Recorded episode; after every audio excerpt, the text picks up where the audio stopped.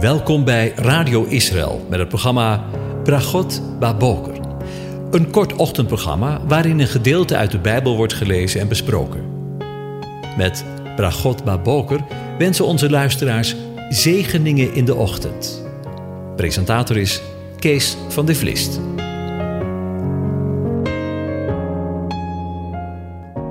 Goedemorgen, luisteraars. Vanmorgen gaan we weer verder nadenken over Psalm 92. Ik lees het aan je voor. Een psalm, een lied op de Sabbatdag.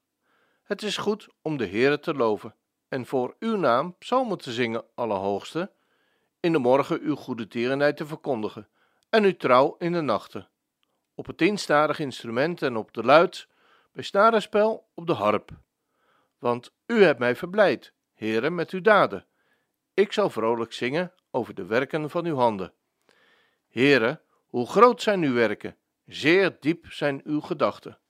Een, een onverstandig man weet er niets van, en een dwaas begrijpt het niet wanneer de goddelozen groeien als gras en alle die onrecht bedrijven bloeien om tot in eeuwigheid weggevaagd te worden. Maar u bent de Allerhoogste, voor eeuwig de Heere.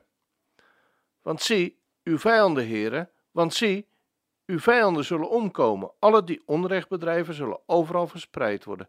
Maar u zult mijn horen opheffen als die van een wilde os. Ik ben met verse olie overgoten.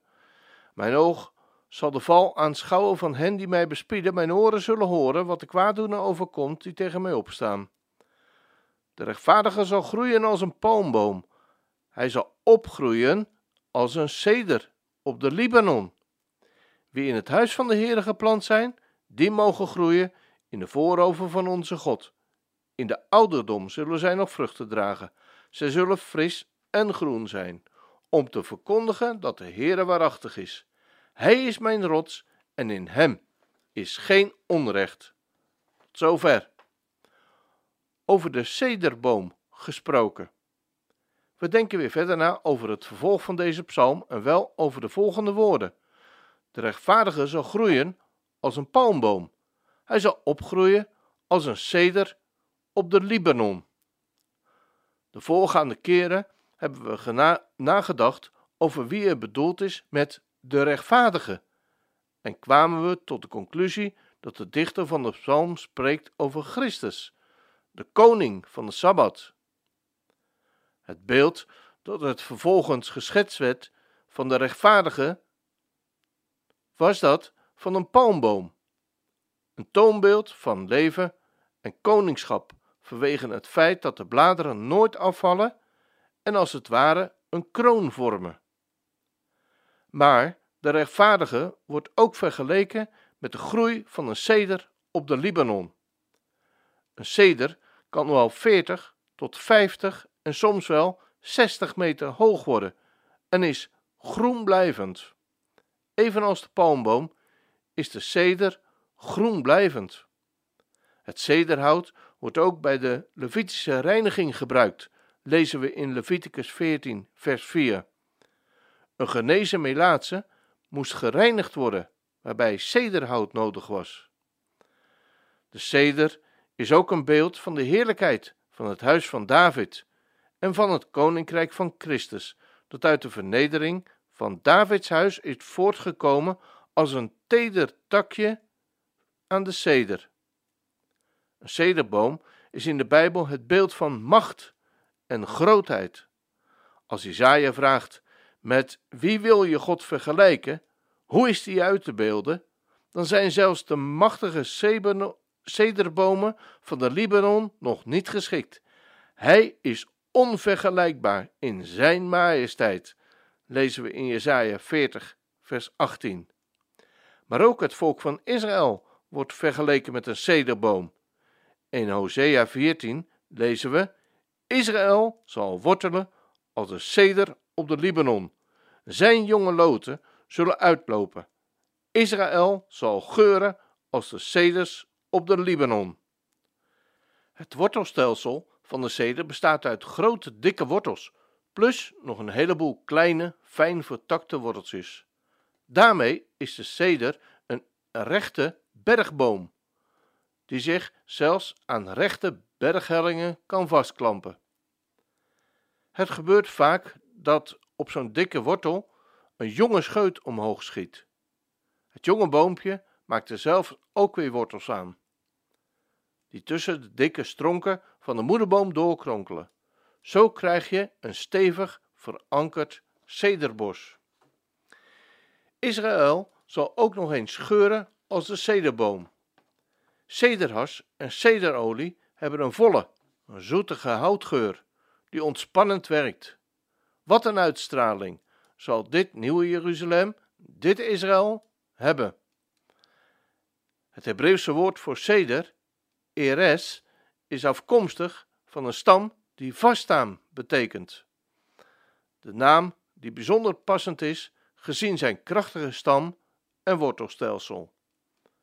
Een ceder kan wel 40 tot 50 meter hoog worden en heeft een stamomtrek van soms wel 14 meter. Die staat dus als een huis. En ook Israël zal zo als een huis staan.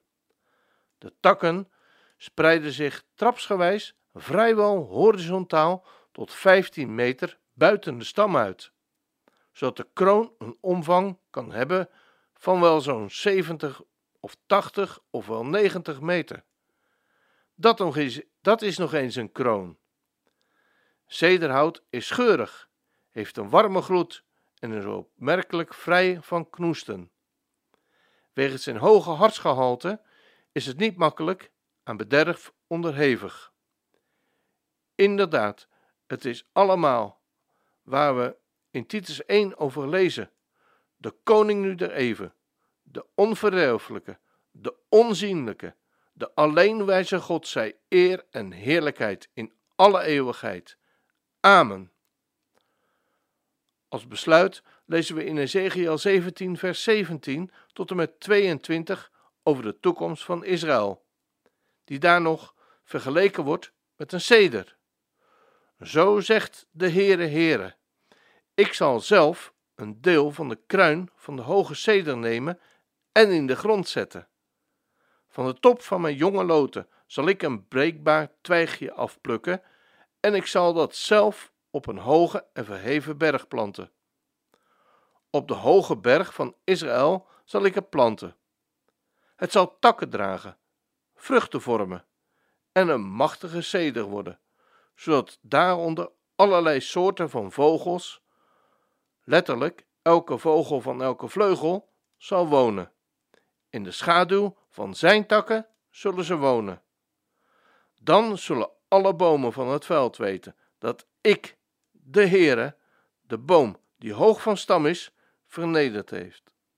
En de boom die laag van stam is, heb ik verheven, de jonge boom doen verdorren en de verdorde boom heb ik doen uitlopen. Ik, de Heere, heb gesproken en ik zal het doen. Ik wens je een van God gezegende dag toe.